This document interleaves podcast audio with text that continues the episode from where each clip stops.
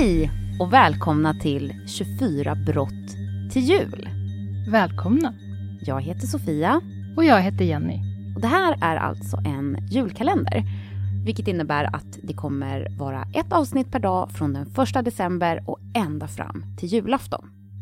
Och varannan dag kommer Sofia att berätta för mig om ett fall. Och varannan dag så kommer Jenny att berätta. Och vi är riktiga true crime-nördar. Och därför kommer vi göra riktiga djupdyk ner i fallen.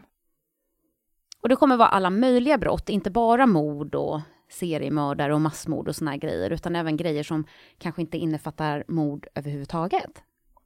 Och alla brott är ju hemska på olika sätt, men är det ovanligt jättehemska fall, då kommer vi inleda avsnittet med en varning. Och vi har valt att använda citat på originalspråk om de är på engelska, för att när man översätter förlorar man ofta lite av innebörden. Men när vi gör så kommer vi att förklara innebörden på svenska, för er som inte känner er så säkra på engelska. Precis, och idag så är det ju din tur Jenny att berätta för mig och förhoppningsvis x antal lyssnare om ett fall. Jajamensan, det stämmer. Jag är så spänd. Ja, och för en gångs skull, det här är förstås ett brott, Mm. men så är det ett ganska lyckligt brott om man kan säga så. Typ Jönssonligan. Ja, lite så faktiskt. Ganska bra. Ja. eh, men det innefattar bland annat, som kanske inte Jönssonligan gör så mycket, men det innefattar romantik. Mm. Oh, men vadå, Harry och Doris? Kanske. Vi får se. Allra först tänkte jag berätta lite om källorna. Mhm. Eh, för att oftast när jag skriver fall så gillar jag att läsa böcker. Ja. Eh, och där finns det ju mycket information. Där är vi olika kan jag ju säga. Jag vet ju det. Du kollar kanske mer på filmer och lyssnar på poddar, eller? Alltså, ja, kanske inte så mycket som, som rena källor, Nej. utan mer för att få en känsla av fallet och liksom berättarteknik och såna saker. Mm. Jag älskar ju böcker, men jag har ju efter lite sjukdom och sånt har jag ju väldigt svårt eh, med koncentrationen. Mm. Så jag har väldigt svårt att läsa, tyvärr. Ja. Eh, så därför blir det att jag hittar liksom kortare artiklar eller saker och ting på nätet. Eh, så det är mer av den anledningen egentligen. Men eh, ja, Jag förstår. Ja. Eh, och i det här fallet så finns det faktiskt nästan bara artiklar. okej. Eh, och det finns... Oftast tycker jag att det är att desto hemskare brott, desto mer information. Mm. Och det här är inte jättehemskt. Mhm. Så jag har hittat ganska lite. Okej. Eh, men det är ett väldigt bra fall. Jag är spänd. Ska jag köra? Jättegärna. Lucy Dadko föddes 1958 i Ryssland. Mhm. Och då hette hon Ludmila Sadanova. Mhm. Hon fick smeknamnet Lucy. Lucy var gift med Alex Dudko, som var en duktig forskare. Så att jag vet alltså ingenting om hennes barndom mer än att hon, hon växte upp i Ryssland. Och kallas för Lucy. Ja, Ja. och hon var bibliotekarie. 1993, eh, när Lucy var 35, så blev Alex erbjuden en spännande tjänst i Australien. Mhm. Och då bestämde de sig tillsammans för att det var ett alldeles för bra erbjudande för att kunna tacka nej, även om, om Lucy då skulle förlora sin bibliotekarietjänst. Just det. För det här skulle bli ett äventyr. Så de flyttade. Mm. De fick en dotter tillsammans som döptes till Marsha. Mm. Och i Australien så började Lucy plugga till en examen i historia. Okej. Och målet var också att liksom, plugga vidare och doktorera till slut. Mhm. Men någonstans här så lämnade Lucy Alex. Oj. Eh, och jag vet inte varför, men... Och jag har heller inte, efter att... Efter den här tidpunkten i deras liv, så har jag inte läst en enda rad om Marsha. Mm. Så det kan ju vara så att hon fick bo heltid med sin pappa, jag vet inte. Ja. Lucy hade flammande rött hår. Och därför var hennes vänners smeknamn på henne Red Lucy. Mhm. Och det är också vad det här avsnittet heter. Jajamän. Och någon gång i mitten av 90-talet så träffade Lucy avsnittets andra huvudperson, John Killick. Mhm. John var gift. Men Lucy och John, de kunde inte motstå varandra. Mm. De föll handlöst. De drabbades av en himlastormande passion och förälskelse och inledde ett förhållande. Ja. John var en tio år äldre man med ett spelberoende i bagaget. Han hade också tillbringat flera år av sitt liv i fängelse än utanför. Mm. Ett år, som jag inte vet vilket årtal det var, Mhm. så åkte John fast när, efter att ha rånat en bank. Mhm. Och Johns fru Gloria, hon var god vän med Lucy. Och hon visste alltså inte om att Jaha, okej. Lucy och John var otrogna. Jag tänkte just fråga nämligen. Eller Lucy var inte otrogen, men John var otrogen. Mm. Eh, så när nu John satt i fängelse så fick eh, Gloria sämre ekonomi. För Ja. att han bidrog ju inte. Och då frågade hon Lucy om Lucy ville flytta in i deras gästrum. Okej. För att då skulle hon kunna betala lite hyra. Mhm. Och det tackade hon ja till. Mm. Men utan att Gloria visste om det så besökte Lucy John i fängelset tre Mm. dagar i veckan. Oj. John började prata om att han ville att Lucy skulle kunna hjälpa honom att rymma. Mm. Det var nämligen så att en man som hette Paul Bennett hade flyttat in i fängelset, alltså blivit dömd för någonting. Ja. Eh, och det står inte vad han var dömd för, men det står så här att han var någon typ av internationell bedragare. ja, där ser man. Mm. Och John blev direkt intresserad av Paul. Det var nämligen så att den 36-åriga Paul Bennett var en erfaren helikopterpilot. Mhm. Han hade mer än 4 000 timmars erfarenhet. Och det ville John dra nytta av. Mm. Men just då delade John cell med en väldigt ung brottsling som var under 20 år. Okej. Och han gick till fängelseledningen och han hävdade att nej, det går inte. Jag kan inte bo med någon som är liksom hälften så gammal som mig. Jag är över 40. Jaha. Det är olidligt. Jag bor ihop med en tonåring. Jaha. Ja, då fick han okej på att nej, men du ska få bo tillsammans med någon som är lite mer jämnårig. Okej. Och då tog John det här vidare och försökte föreslå att ja, men den här Paul, Mhm. jag skulle kunna bo ihop med honom. Mhm. Och det funkade bra. Okej. John var bra på att övertala folk. Så Paul fick flytta in. Och nu kände John att han hade luft under vingarna. Fasen vad bra han var på att övertala folk. Verkligen. Så varför inte fortsätta när han hade så bra flyt? Eller hur? Han lutade sig fram mot fängelsedirektören och sa Jag skulle gärna vilja hålla mig uppdaterad om nyheterna och om politik. Jag vill ju vara en allmänbildad medborgare när jag kommer ut. Mm. Så att jag snabbt kommer in i samhället och får ett jobb. Så att Just jag det. kan betala skatt och bidra till välfärden. Alltså Fäng- det låter ju vettigt, så Ja. jag tänker ju att det funkar. Eller Gör hur? det det? Ja, Ah, för att nu hade det gått lite för långt. Aha. Fängelsedirektören suckade. Men vad vill du ha nu då, John? Mm. frågade han. En TV, svarade John. Ut! skrek fängelsedirektören. John ryckte på axlarna. Ja, ja, det blev ingen TV. Men det hade i alla fall varit värt ett försök. Verkligen. Efter det här tillbringade de nya cellkompisarna timmar när John frågade ut Paul om helikoptrar. Vad de klarade att göra, hur fort de kunde flyga, hur högt de kunde flyga. John började göra en plan. Och under Lucys nästa besök i fängelset så berättade John om sin plan, Mhm. som han verkligen trodde på. Ja. Med hennes hjälp skulle han kunna bli fri. En parentes här, det är att när Paul, alltså cellkompisen som var duktig på helikoptrar, Ja. när han flera år senare släpptes från fängelset, då träffade han på skådespelaren Russell Crowe, alltså han bland annat från Gladiator. Paul övertalade Russell Crowe om att Russell behövde en helikopterpilot. Och den piloten borde vara Paul. Alltså, ska jag berätta en pinsam grej? Ja. Det var en period i livet då jag hade lite svårt att... Jag blandade ihop namnen Russell Crowe Ja. och Kurt Russell. Mhm. Ja.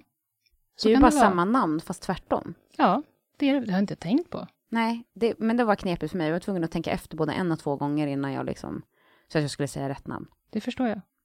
Och Russell tackade ja till det här förslaget. Mm. Men bara två dagar senare så fick Paul sparken. För att på något sätt hade han försökt lura av Russell pengar. Så det var en ganska kortvarig anställning. Förstår.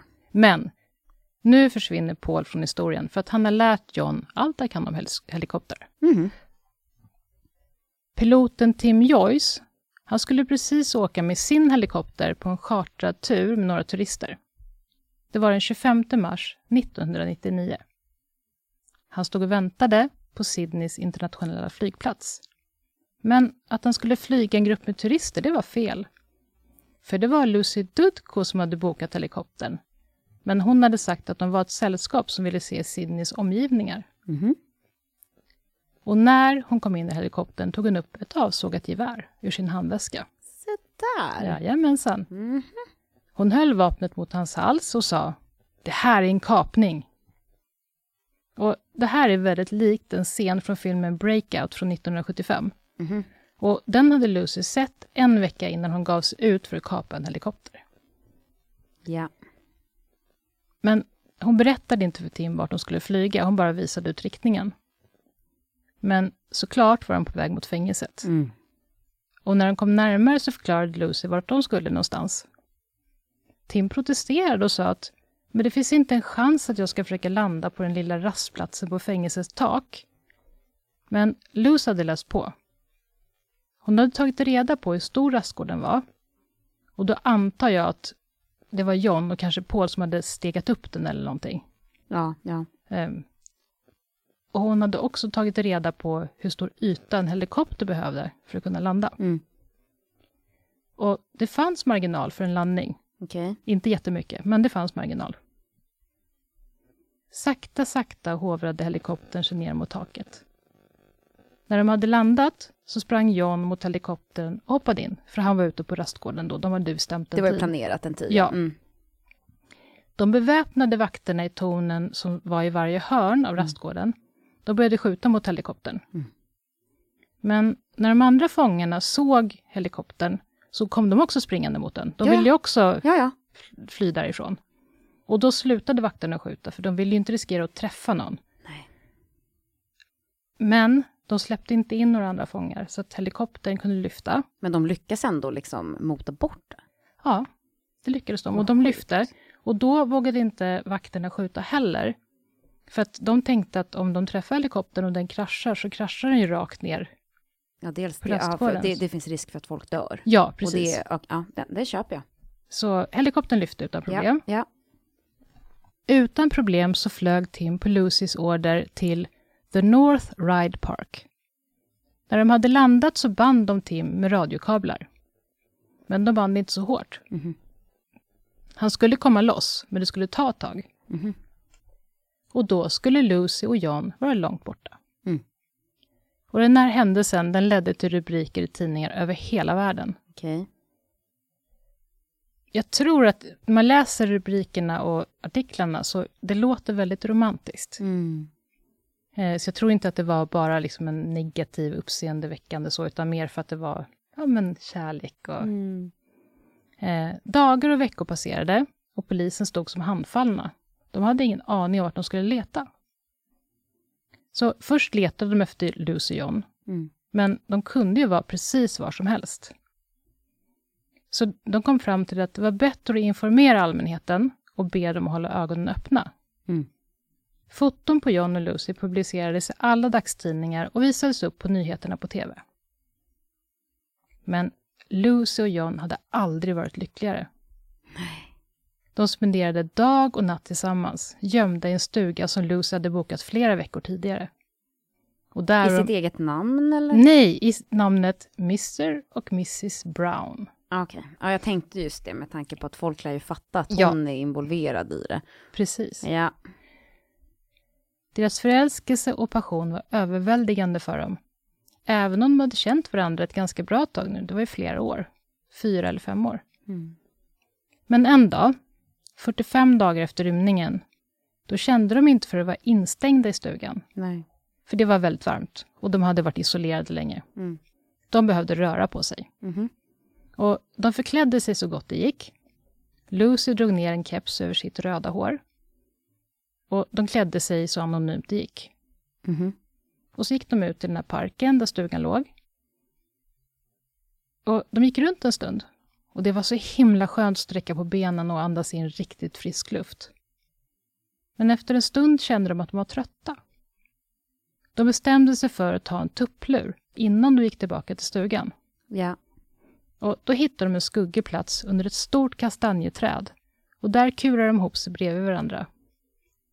John kysste Lucy godnatt. Kyssen höll på att leda till någonting annat, men då påminde de sig själva om att de var faktiskt i en offentlig park. Just det. Och var det någonting de inte skulle göra, så var det att ligga. Och dra uppmärksamhet till sig. Precis. Var det, var det jag trodde du skulle säga, men de skulle inte ligga. De skulle inte Bra. ligga. Det fick vänta tills de var i stugan igen. Mhm. Nu skulle de sova. Och de somnade djupt. Somna i en offentlig eh, park kan ju också vara lite tvivelaktigt, tänker jag. Inte bara ligga. Precis. Men Är det så? de var, de var trötta Ja. och eh, de ville passa på. Okej. Innan de skulle tillbaka till stugan. Och när de sov så la Lucy sin arm runt John liksom i sömnen. Ja, men åh. Åh. Men då kom det i alla fall ett litet äldre par som också var ute och promenerade i parken. Och de gick förbi de sovande Lucy och John och tittade nyfiket på dem, just för att de låg och sov. Och så tyckte de och pratade om det att, men vad gulligt med ett par som hade somnat mitt i parken. Ja, verkligen. Men mannen såg direkt att det var någonting han kände igen med paret. Mm. Men han kunde inte sätta fingret på varför. Nej. Så när de hade kommit en bit längre på sin promenad och han hade liksom, hans tankar hade snurrat runt några varv, Ja. då frågade mannen sin fru om hon hade tyckt att paret såg bekant ut. Mm. Och frun funderade lite. Ja, kanske sa hon. Men hon kunde inte heller sätta fingret på vad det var. Nej. De stannade till, tittade på varandra. Och i tyst samförstånd så tog de varandras händer och vände sig om för att ta en ny titt. När de kom tillbaka till platsen där John och Lucy låg och sov så förstod frun direkt varför hennes man hade känt igen dem. Mm. Det var ju rymlingarna, Ja. Lucy Dudko och John Killick. Mm. Paret tillkallade polisen med hjälp av mannens nya mobiltelefon. Det här Mhm. var 1999. ju. Och polisen var snabbt på plats. Lucy dömdes till tio år i fängelse med möjlighet till villkorlig frigivning efter Mm. sju år. Jag har märkligt nog inte kunnat hitta Johns straff, Mhm. men när jag har liksom räknat tillbaka så fick han 15 år, om jag, men jag är inte hundra på det. Men han fick i alla fall möjlighet till villkorlig frigivning efter 12 år. Men vad tror du är ett värre, eller vad, vad anser man vara ett värre brott? Att fly eller att hjälpa någon att fly? Jag vet Eller inte. möjliggöra Mm. det för någon att fly? Jag tror att de fick samma. Nu fick ju hon 10 år med Mhm. villkorlig efter 7 Mm. och han fick kanske då 15 med villkor efter 12. Mhm. Men jag tror att de fick samma straff, men han, eftersom han rymde från ett befintligt straff så lades ju den strafftiden till Det, ja, ja. och det var därför hans blev längre. Men jag funderar också på, för det finns ju också typ någon tanke med att fängelser inte ska vara hur säkra som helst. Nu, nu, okej, jag säger så här, nu blir jag en sån här tv-dokumentärsexpert. Ja, Jag mm. har säkert, jag Ja. har läst det här eller sett det på någon dokumentär eller någonting. Ja. Men alltså att man inte vill att, att eh, fängelser ska vara för säkra för att det ska finnas ett hopp i fången om att de ska kunna fly, typ. Ah, att de ska kunna ta sig därifrån. Ja, För att för är det helt omöjligt, då, då, då förlorar människan hoppet. okej. Gud, det visste inte jag. Ja, som sagt, jag vet inte heller. Fast det utan- låter så det är det jag logiskt. menar, att det är så här, okej, du försökte fly. Ja, Ja. men vi, vi fattar det. Ja, men, Det är ganska mänskligt att göra det om man är instängd. ja, Förstår du? Så därför tänker jag om det är någon slags förmildrande omständighet. det vill säga att hennes brott var värre. Ja, det är det jag undrar. Jag vet inte, Nej, utan och- bara spekulerar. liksom. Det låter väl kanske rimligt då? Eventuellt. Ja. Ja, jag vet inte. Nej, om vet jag inte hittar någon källa på det så kan jag ju återkomma. Men, ja. Ja, gärna, men spännande tanke i alla fall. Men, eller och, under tiden de båda satt i fängelse, då skickade Lucy 4 500 kärleksbrev till John. Mm. Och jag har ingen uppgift om huruvida han skickade några till henne. Nej. Eh, men i slutet av sin fängelsetid så upptäckte Lucy Jesus. Mhm. Och hon blev djupt troende. Mm. Och hon hade ingenting emot att John inte var troende. Nej. Hon kunde mycket väl tänka sig att fortsätta deras förhållande. Mm. Men John höll inte med. Jaha. För han var övertygad ateist. Och han kunde inte stå ut med att Lucy hade blivit så förvandlad. Han tyckte att hon verkade ganska galen. Men. Numera verkade hon mer förälskad i Gud än i honom. Mm. Han gjorde slut. Men. Även om han har sagt i intervjuer efteråt att hon var hans livskärlek. Mm. Men det låter ju lite som att han var rädd för att han inte var hennes livskärlek. Utan Lite att det var så. Gud, liksom. Ja, lite så. Det är lite så det låter i intervjuer också. Mm. Att han gjorde slut för att inte bli sårad. Typ. Mm. Eh, Efter att ha tillbringat sju år i fängelse, för det som tidningarna kallade ett crime of passion, Ja. så släpptes Lucy ut år 2006. Mhm. Och då var media som galna. Hon fick aldrig vara i fred. Nej, För de, de ringde, de smög till och med omkring i hennes trädgård. okej. Och till slut tröttnade hon och Ja. såg till att försvinna. Hon flyttade utan att berätta var. Mhm.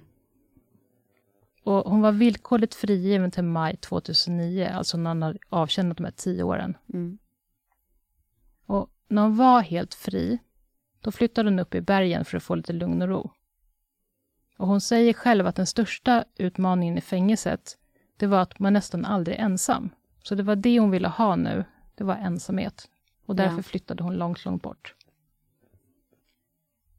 Och nu har jag lite olika källor Mhm. angående vad hon liksom tog sig för nu. Ja. Eh, och för att försörja sig så säger en källa att hon lagade pavlovas, som är typ en efterrätt, tror jag, som består av maräng och grädde och bär. Okej, Eh, ja, jag har aldrig, vet, vet inte. Någon typ av efterrätt. Förstår? Eh, som hon sålde till McDonalds. Mhm. Vilket, det låter lite konstigt, för att McDonalds har ju någon typ av standardiserat sortiment. Så det här sålde Ja. hon bara till Sydneys, Sydneys bransch av McDonalds. Fast eh, jag har en kompis som jobbar eh, på McDonalds Ja. och han säger att det, det är ju franchise. Ja, och då kan de faktiskt... Kanske. Jag vet inte, till. sen så kan de ju absolut ha kontrakt som säger att så här måste du göra Mm. för att få leva upp till liksom, de krav som vi har på en McDonalds. Ja. Så. Men det, jag vet inte, det kan vara olika Nej. från land till land också. Och den här källan säger ju faktiskt att de sålde Till McDonalds. ja, sina Palovas. Eh, däremot Wikipedia Mhm. eh, säger att hon jobbade i en fabrik. Eh, men en sak som är fastställt att hon gjorde, det var att hon lagade meringis till varuhuset Woolworths. Och jag tror att det är en typ av kaka. Eller? Okej. Ja, nej, jag vet Nej, inte. jag tror att det är en kaka. Inte. Hur som helst. Idag är Lucy 61 år gammal. Mm. När hon blev intervjuad i The Sun Herald så sa hon, citat, My life was like a soap opera back then. But slowly I've managed to put it all behind me. It doesn't help to relive what happened. So I try not to. I've moved on. Mm. Men... Det måste man ju, tänker jag. ja, eller hur? I och med att också att John ville ju faktiskt inte ha med henne att göra längre. Mm. Men Lucy var egentligen nyfiken på att träffa John igen, även om det inte skulle leda till någonting. Men straffet var egentligen inte över, trots att Lucys villkorliga frigivning var över. För att hon och John hade förbjudits att träffa varandra innan 2013. Mhm. Vad då? då? Ingen aning. Eh, Någonting kan jag tänka mig om att deras passion var så stor att de inte fick träffa varandra för då skulle de begå brott igen. Jag vet inte. Ja, okej. Det ja. känns som en ovanlig, ett, ett ovanligt villkor i en dom. Men, Ja, det eh, låter väldigt filmiskt, liksom. Ja. Som att eh, liksom, deras kärlek till varandra har en sån övervinnande kraft liksom, till att övergå till brottslighet. Eller hur? Ja, Och jag menar, de, de är inte gamla, men de närmar sig ändå 60 år. Eh, men det står så här, eh, från en av källorna. Domaren på rättegången hade tyckt att parets kärlek verkade för intensiv. Mm. Vem vet vad de kunde hitta på när de träffades igen? Och det förbudet la de till trots att John fortfarande satt i fängelse. Mhm. Jag vet inte om de tänkte på att hon skulle kunna kanske frita honom igen. Det är oklart. Ja, jo, men det är ju redan brottsligt, tänker jag. Precis. Eller förstår ja, I och för Ja. sig, det är kanske svårare att, eh, att smida planer via Ja. brev, Ja. som liksom är på print. Ja, för hon fick ju faktiskt inte ens besöka honom. Nej.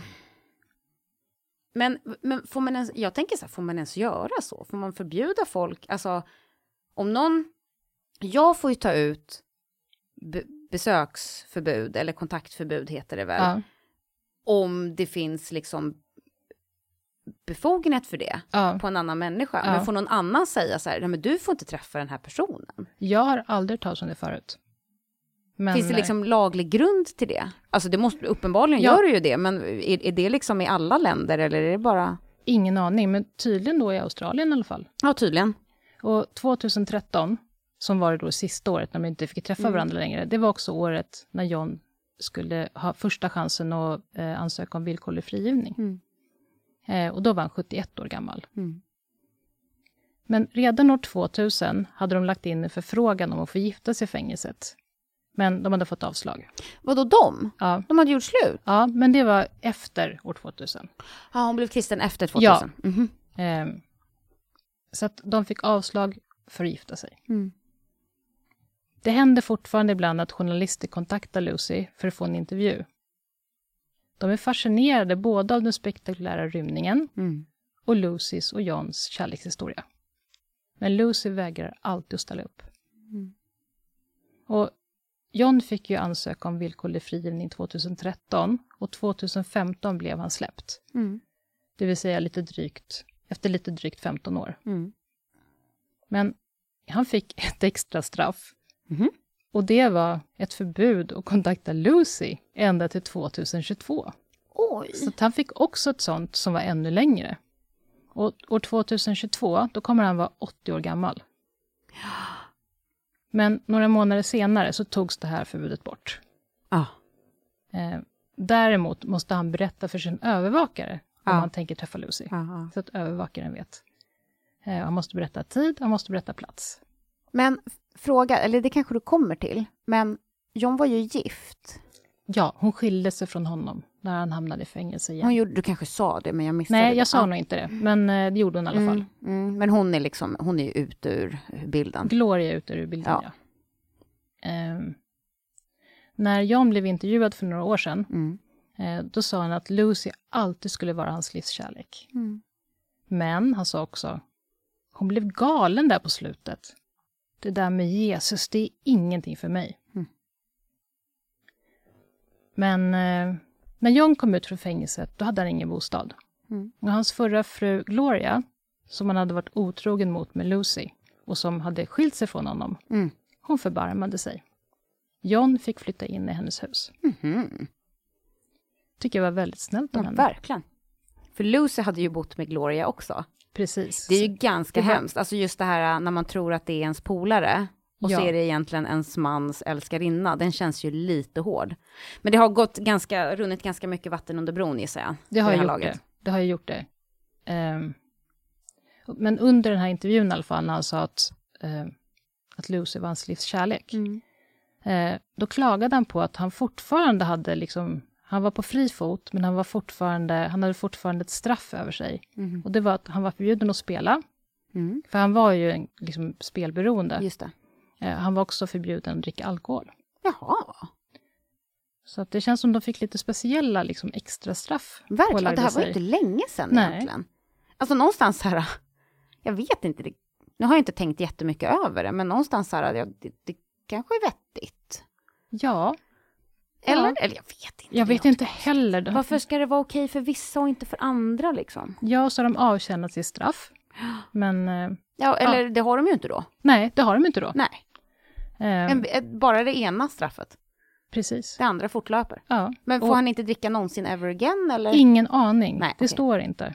På hur länge de fick träffa varandra, eller inte fick träffa varandra, det var ju en Till tidsgräns. 2022. Mm. Eh, men på det här då, spelandet och drickandet, står ingenting. Nej. Men 2017 så släppte John en bok om sitt liv. Och där står det att han är en förändrad man och att han aldrig kommer åka in i fängelse igen.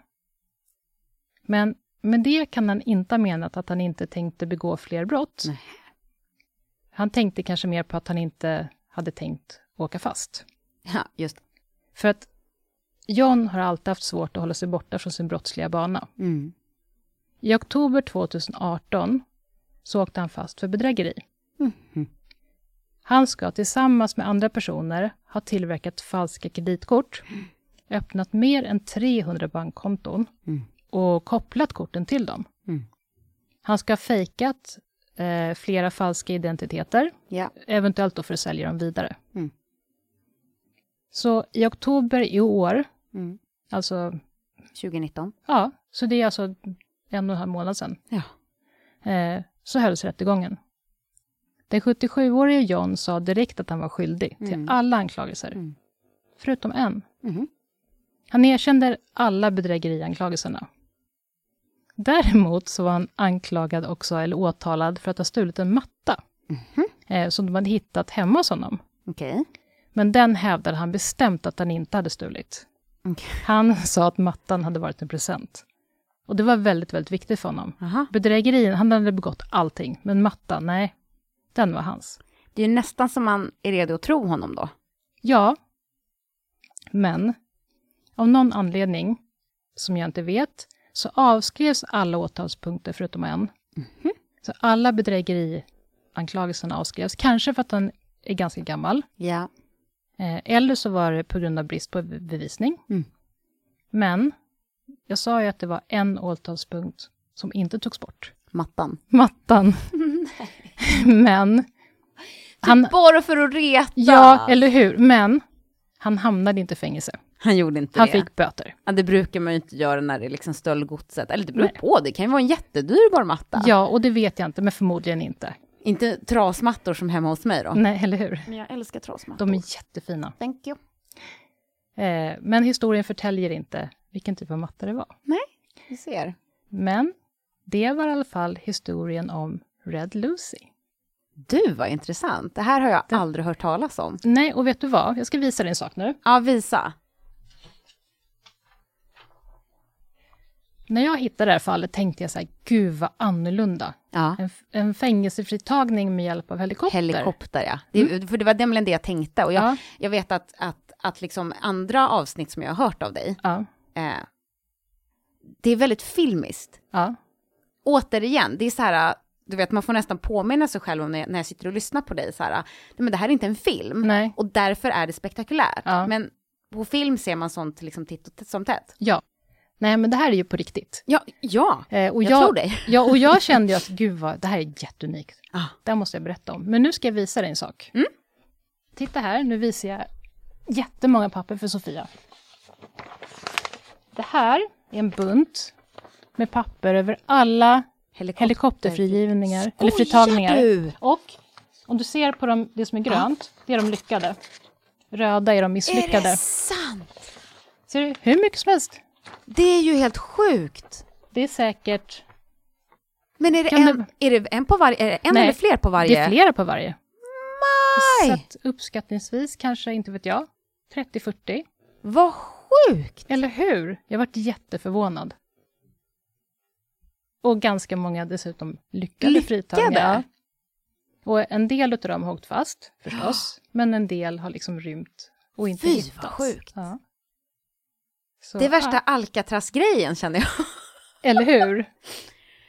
Är det sant? Men för, det, och, för jag tänker så här, eventuellt att jag hört talas om någon, men inte fått ett sånt djupdyk som jag fick av dig nu. Nej. Men du vet, om det är så många, Ja. och så har jag inte hört talas om, alltså du vet, man, man brukar, liksom borde ändå ha, jag hade inte ens på känn Nej. att det var så många. Nej. Vad Och- sjukt! Fy vad intressant att du tog med just den Ja. detaljen också. Jag tyckte det var jätte, superspännande och jag var så glatt berörd av den här historien för den är ju faktiskt himla romantisk, även om det inte varit de två på slutet. Ja. Det är ju inte något särskilt hemskt brott ändå. Och jag kan ju säga till er som lyssnar, ehm, vi spelar ju in flera avsnitt på en dag. Mm. Och förra avsnittet vi spelade in var helt fruktansvärt. Ja, Så jag känner mig, jag har bara suttit här och känt mig helt lättad över att det inte har varit så fruktansvärt som, som tidigare ja avsnitt. och, och jag också. Det här var väldigt, väldigt härligt att få berätta för dig Sofia. Ja, fy vad trevligt. Men hoppas att ni också gillat fallet. Ja, verkligen, det hoppas jag verkligen. Det, jag kan inte tänka mig annat. Nej. Du, vad trevligt. Och vad kul att du ville lyssna och att Ja, ni men lyssnade. tid, det var superbra. Tack så mycket. Men då hörs vi imorgon igen. Det är ju det vi gör. Ja. Ha det bra. Hej då! Hej då!